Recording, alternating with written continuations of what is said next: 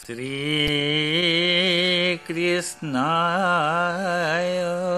নমঃ শ্ৰীমন্ত শঙ্কৰ হৰি ভকতৰ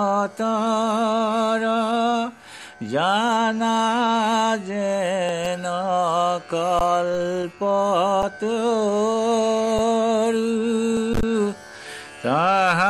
তাহান্ত বিনাই নাহি নাহি নাহি আমাৰ পৰম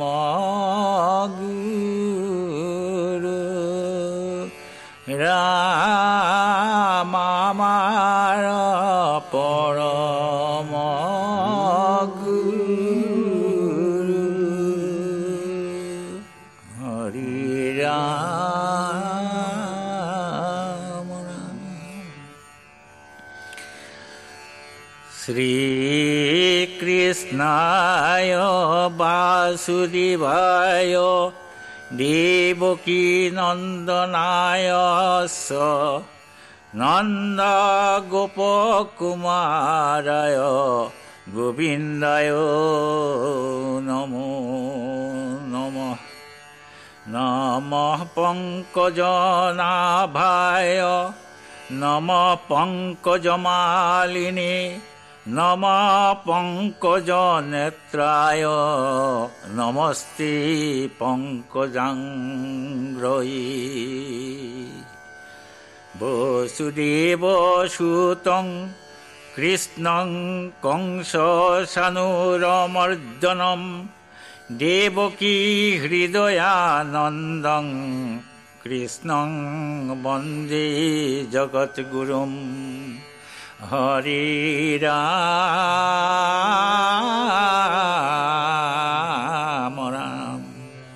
মুকং করুতি বাসলং পঙ্গুং লঙ্ঘয়তি গিরিম। যৎকৃপাতমহং বন্দে পরমানন্দ মাধবম।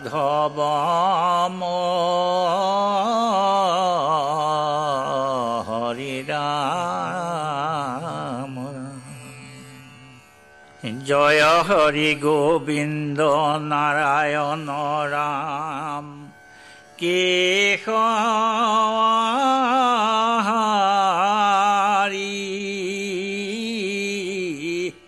রাম রাম কেশ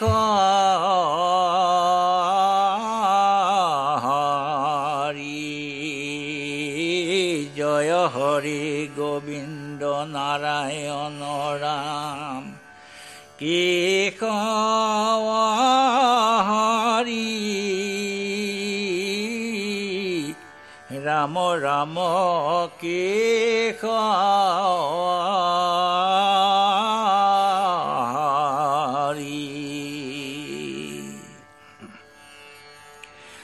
প্ৰথমে প্ৰণাম ব্ৰহ্মৰূপী সনাতন। সৰ্বয়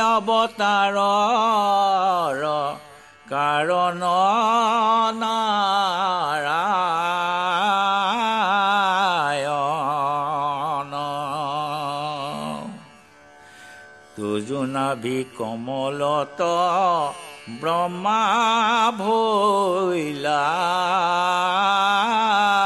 জাত।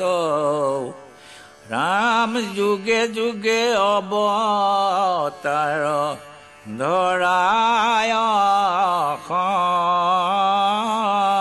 সংখ্যাত এই ভাৱ ই যে যুগে যুগে অৱতাৰ বুলি ক'লে যুগকেইটাৰ অৱতাৰৰ বিষয়ে অকণমান বুজাই কওকচোন বাৰু। যুগ হ'ল আপুনি উত্তম প্ৰশ্ন কৰিছে সত্যতা দাপৰ কৰি চাৰিটা যুগ। ইয়াত আদি সত্য যুগে হৰি অৱতাৰ হৈছিলে। হয়। আৰু সেই হৰি অৱতাৰত সত্যপতৰ ৰাজাক মনৰ বিভ্ৰান্তি দূৰ কৰিবৰ কাৰণে তেওঁ মৎস্য অৱতাৰ ধৰিছিলে। অঁ। ধৰি পেলাই এটা সাধাৰণ গাঁতৰ নিচিনা পুখুৰী এটাত তেওঁ তাত দৰিকণা মাছ হৈ আছিল তাৰপিছত মাছটো তেওঁ পানী ঢুকাই গ'লে মৰি যাব। সেইটো হেৰিয়াতে তেওঁ মানে মাছটো তুলি আনিলে। আনি আনোতে এটা পাত্ৰত থৈ চাওঁতে পাত্ৰটো মানে চাই থাকোঁতে নধৰা হৈ গ'ল। এইটো মৎস্য অৱতাৰটো পঢ়িলে আৰম্ভ। হ'ল। মৎস্যৰূপে অৱতাৰ ভৈলা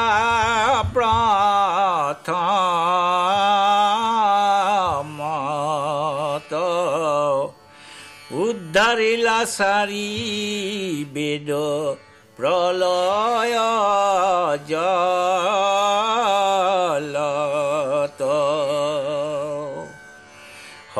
সত্যব্ৰত ৰাজাক দেখাইলা নিজ মায়া। নধৰিলা সমুদ্ৰে তোমাৰ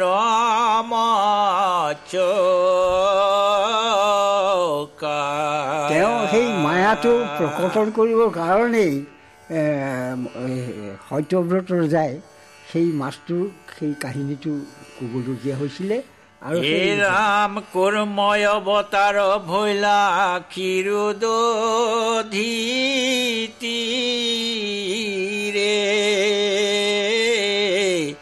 লক্ষ্য প্ৰহৰৰ পথ জুৰিলা শৰীৰে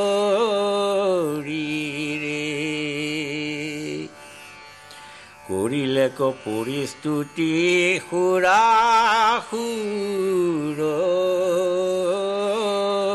নাগে। ধৰিলা মন্দৰগিৰি প্ৰভু পৃষ্ঠ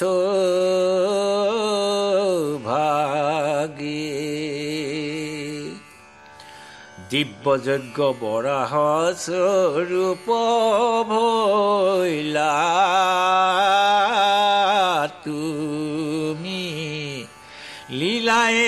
দন্তরয়গ্রে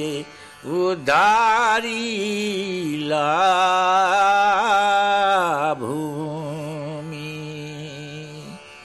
রাম তোমাক করিলা যুদ্ধ হিরণ্যাক্ষ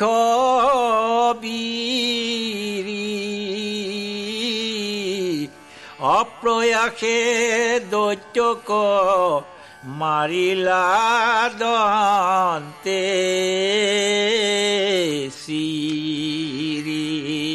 ইতিমধ্যে সেইখিনি সময়তে তেওঁ দহ অৱতাৰ ধৰি পেলাই এতিয়া বাৰাহ ৰূপ ধৰিলে ওপৰ- অৱতাৰ ধৰিলে সাগৰ মন্থনত আকৌ এই বাৰাহ ৰূপ ধৰি পেলাই পৃথিৱী উদ্ধাৰ কৰিব। পৃথিৱীক মানে আদি দৈত্য হিৰণ্য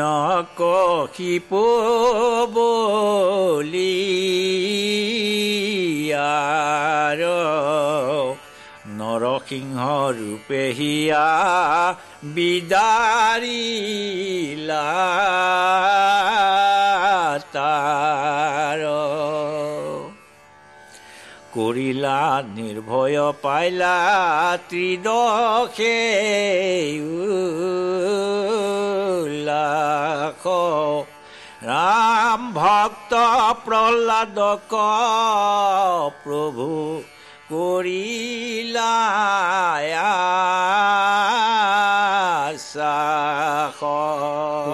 নিৰ্ভয় পাইলা ত্ৰিদশে উল্লাস। অৰ্থাৎ তেত্ৰিছ কোটি দেৱা দেৱতা দেৱতাবিলাক ভয়ত কম্পমান হৈছিলে সেই সময়ত। আৰু তেওঁ সেই অৱতাৰ ধৰি পেলাই সেই হিৰণ্যকশিপুক বধ কৰি পেলাই তেওঁ মানে উদ্ধাৰ কৰিছে। হে ৰাম বামন স্বৰূপে অদিতিৰ বাইক পালি। ইন্দ্ৰ কথাপিলা চলে বলি কণী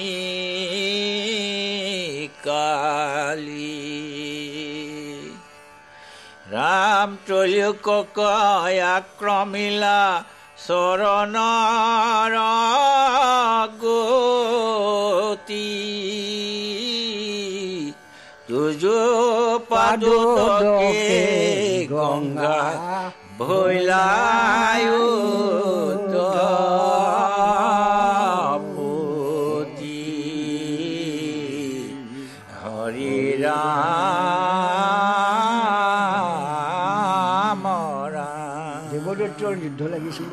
সেই যুদ্ধত দেৱতাবিলাক হাৰিলে হাৰি পেলাই তেওঁ পৃথিৱীত চোৱাপতনীয়া চোৱাপতনীয়া ঘূৰিবলগীয়া হৈছিলে। সেইকাৰণে তেওঁলোকে সেই দেৱতাবিলাকে গৈ ভগৱন্তক ব্ৰহ্মাৰ ওচৰত খাটিলেগৈ। ব্ৰহ্মাই ভগৱন্তক পঠিয়াই ওচৰলৈ পঠিয়াই দিলে আৰু সেই ভগৱন্তই তেওঁলোকক নিৰ্দেশ দিলে যে ক্ষীৰোদধিৰ পাৰত গৈ পেলাই এটাইখনে ভগৱন্তক হেৰি আৰাধনা কৰাগৈ তেতিয়া তাৰ উপায়টো দিব আৰু সেই কাৰণতে বামন অৱতাৰটো হৈ আহি পেলাই তেওঁলোকে এইবিলাক উদ্ধাৰ কৰিছিল। এতিয়া প্ৰহ্লাদ চৰিত্ৰ ভাগি যাওক। অঁ যাওক। হে ৰাম মুৰাৰী ৰঘুনাথ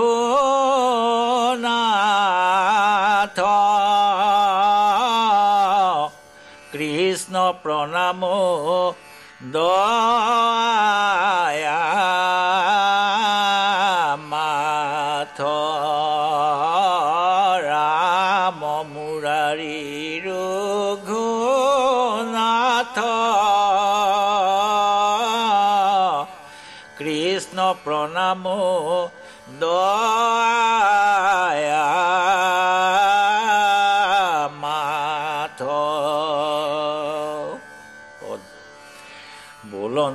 সুকে শুনা পৰীক্ষিত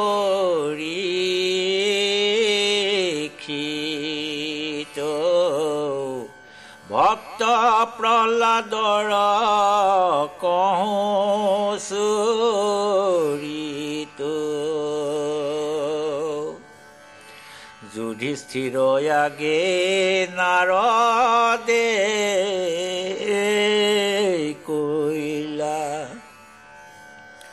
শুনিও প্ৰহ্লাদৰ যেন ভৈলা। ব্ৰহ্মাৰ মানস চাৰিত নাই ভ্ৰমন্ত আকাশে আনন্দময়।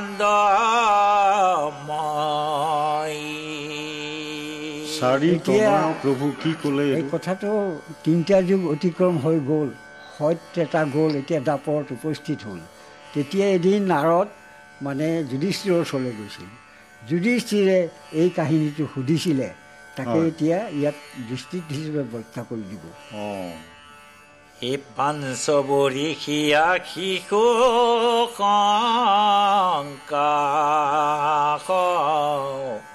নাহিকে বস্ত্ৰ সবে দিগ বাস আনন্দে লোকক চাহান্তে ফুৰি দিনে ক দেখিলা বৈকুণ্ঠ পুৰী ৰাম আতি আনন্দিত বিষ্ণুৰ থানে। হবে চতুৰ্ভুজ পুৰুষ মানে এতিয়া এটি সময়তে এইটো কথা ক'বলগীয়া হ'ল এই ব্ৰহ্মাৰ মানস পুত্ৰ চাৰিজন সনত সনন্দ সনত কুমাৰ সনাতন তেওঁলোক উলংগত। গতিকে তেওঁলোকে এইদুকুমেই সংসাৰত ঘূৰি ফুৰোঁতে কোনো এদিন বৈকুণ্ঠ চাবলৈ মন কৰি গোঁসাই ওচৰলৈ যাবলৈ মন কৰিছিলে। গৈ সেই বৈকুণ্ঠৰ কথা তাত এতিয়া ব্যাখ্যা কৰি দিব। হে ৰাম যতে কৰমণি লক্ষ্মী প্ৰত্যেক কল্পতৰু সম বৃক্ষ যাতে বৈমানিক গণ পৰম হাতত তাল নাৰী গণ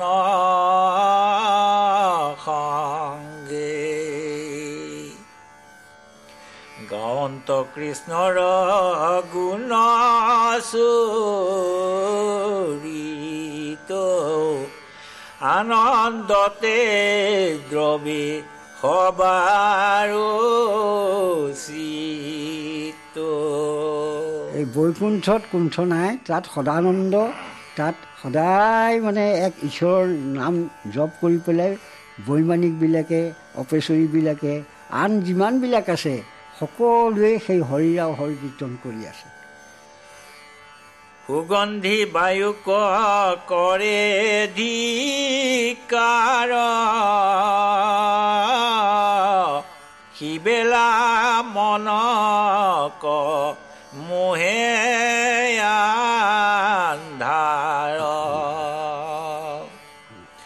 ভ্ৰমৰ ৰাজে গাঁৱে হাৰি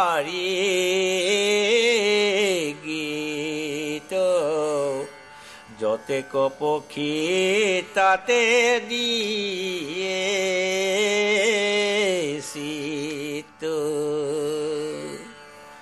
নকৰে আৰাও থাকে নি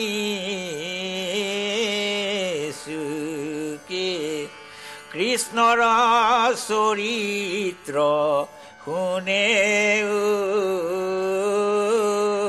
চুকে। বাপ অকণমান বুজাই কওকচোন এইখন এই তাত থকা যিবিলাক আপোনাৰ ভোমোৰাকে আদি কৰি যিবিলাক মানুহ মানুহৰ পৰা আদি কৰি যিবিলাক পশু পক্ষী যিমানে আছে চব হৰিৰাও হৰি কীৰ্তনতে ব্যস্ত হৈ চব মুগ্ধ হৈ তাতে ব্যস্ত হৈ থাকে। এশ্বৰী ৰত্নময় দিব্য বিমানে যতে ক সুন্দৰী পদ্মিনী মানে। হাস লাস কৰি দৰসে গাওঁ বৈষ্ণৱ ৰজনৰ নুপজে ভাৱ তাত কোনো ৰকমে পাপ ভাৱ উদয় নহয় অৰ্থাৎ। হয়। ৰাম হৰিৰ গৃহে মহালক্ষ্মী মাৱে হাতে ফুৰাই পদ্ম ভ্ৰমন্ত পাৱে দেখিয়া স্ফটিক বাৰৰ গুণী সাঞ্জে গৃহ যেন লক্ষ্মী আপুনি ৰাম গোবিন্দৰ গুণ চৰিত্ৰ বাজে। শুনে গ্ৰাম্য কথা যিটো লাজে বৈকুণ্ঠে নযায় সিটো ভাগ্য শূন্য। কুকথাই হৰে সমস্তে পুণ্য। তাত যিসকল ভকত থাকে সকলোৱে হৰিৰ কথাতে মগ্ন হৈ থাকে আৰু তাত যদি পাপ ভাৱ আহে সেইবিলাক বোলে বৈকুণ্ঠৰ অধিকাৰী হ'ব নোৱাৰে সি তাৰ পৰা পতন হ'ব। হয়। তম নৰকে হৈ চিৰ বাস আপুনি চিন্তে আপোনাৰ নাশ দেৱৰো বাঞ্চনী মনুষ্য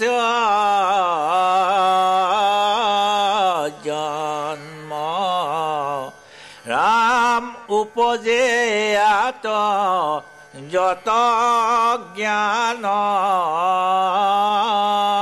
ধৰ্ম এতিয়া কথাটো হ'ল যিবিলাকে ঈশ্বৰক এৰি আন কথা আন আলাপতে থাকে সেইবিলাকে বোলে তমনৰক তমনৰ কি অহংকাৰ আৰু যিবিলাক শাস্তিৰ সীমা নাই তেনেকুৱা নৰকত সেই জীৱবিলাকে সদা সৰ্বতিকাল থাক ভুগিবলগীয়া। হয়। গতিকে সেইবিলাকক লৈ পেলাই সেইটো ত্যাগ কৰি এক ঈশ্বৰত যি একান্ত বিশ্বাস কৰি তাত বসবাস কৰিব পাৰে সেইজনেহে বৈকুণ্ঠত থাকিব পাৰিব। নকৰে কীৰ্তন ইহা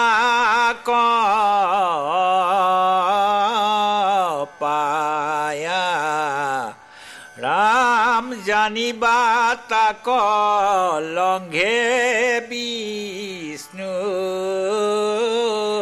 মায়া। সেইবিলাক ঈশ্বৰৰ ইচ্ছাতে সেইবিলাক পতিত হয়। বিষ্ণুৰ মায়াত।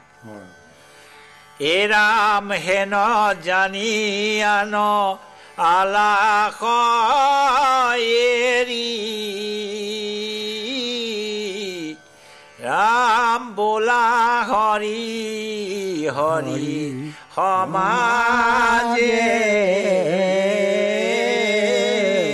বেৰি হৰি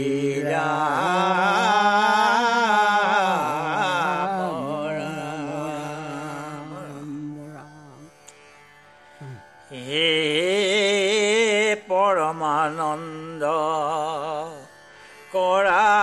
কৃপা ভৃতক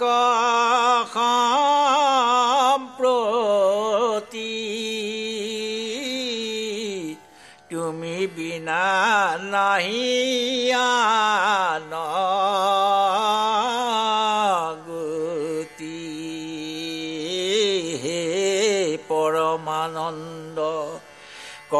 কৰা কৃপা ভৃতক সম্প্ৰতি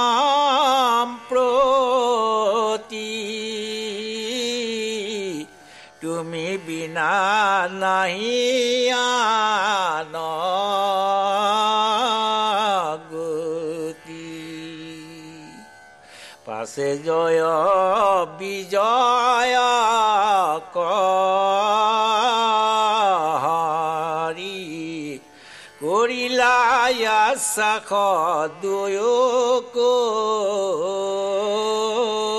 ধৰি। অসুৰ জনিক যাতই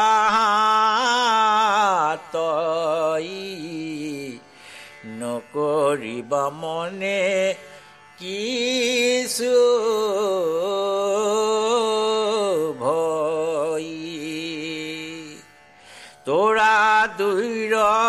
থাকো কল্যাণ মই দুখ কৰিব জান ব্ৰহ্মশাপ নকৰো। চন্ন পাছে আছে পদে মোৰ প্ৰয়োজন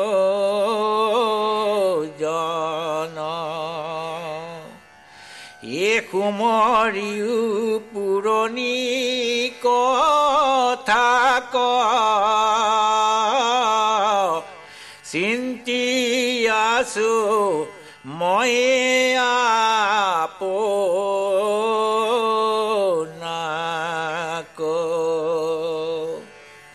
আমাৰ পাশক আশা লক্ষ্মী তাংক নিবাৰিলা দেখি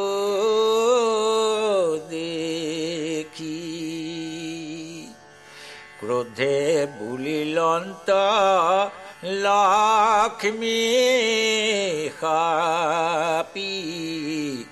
হুয়ুক অসুৰ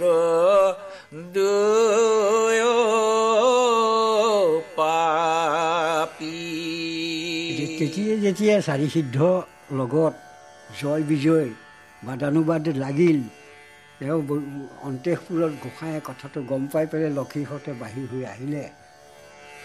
অন্তেশপুৰৰ পৰা আহি পেলাই জয় বিজয়ক ক'লেহি যে তহঁতে বৰ ডাঙৰ ভুল কৰিলি ব্ৰহ্ম ঋষিক এনেকুৱা অপঘাত কৰিলি গতিকে তহঁত অসুৰ হ'বই লাগিব আৰু অসুৰৰ জনীত জন্ম ধৰিবই লাগিব আৰু পূৰ্বত লক্ষীয়েও তহঁতক সাপ দিছিলে মই মানা কৰিলোঁ সেইকাৰণে বাক্য উচ্চাৰ নকৰিলে। এতিয়া এই মোৰ ইচ্ছাতে এইটো কাম হৈ আছে তহঁত অসুৰ জন্ম ধৰগৈ আৰু মই উদ্ধাৰ কৰিম। এ হেন জানি দুয়ো হৈয়া দৈত্য। এ ভকতৰ ভয় আছে কৈতো। বৈৰভাৱে চিন্তিবা মোক। অল্পকালে পাইবায়ে লোক। আৰু সদায় মোক বৈৰভাৱে তহঁতে চিন্তা কৰিবি মোক পাব হ'লে অতি সোনকালে সেইটোৱে উপায়। দুখৰ কৰিব মই অন্ত এহি বুলি পাছে ভগন্ত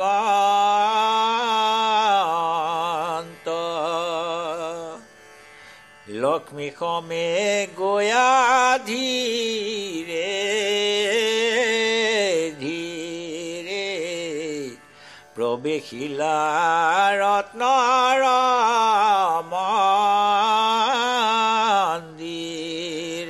বাপজন। লক্ষ্মী সমে গয়া যেতিয়া সাপ দি হ'ল হোৱাৰ পাছত তেওঁ আকৌ অন্তেশপুৰলৈ গ'ল আৰু জয় বিজয় সাপ দি পেলাই দুখৰ মই অন্ত কৰিম গতিকে চিন্তা কৰিব নালাগে সদায় মোক বৈৰভাৱে তহঁতে চিন্তা কৰিবি অতি সোনকালে আকৌ বৈকুণ্ঠ পাবি। সেয়া জয় বিজয়ৰ ওপৰতেই। মানে ব্যাখ্যাকৰণ হৈছে আৰু নহয় হৈছে। পাছে দুয়ো মুখ্য পাৰি সদ।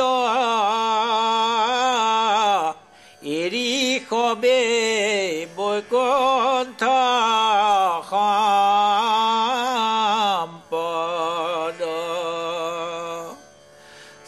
শ্ৰীহত হুয়ায়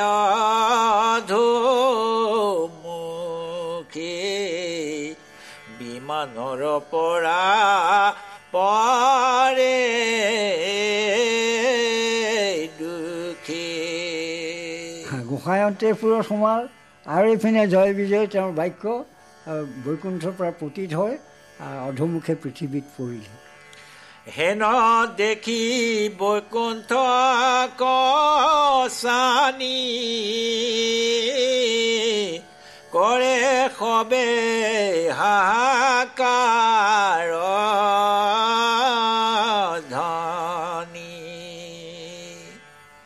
পাছে দুয়ো এৰি নিজ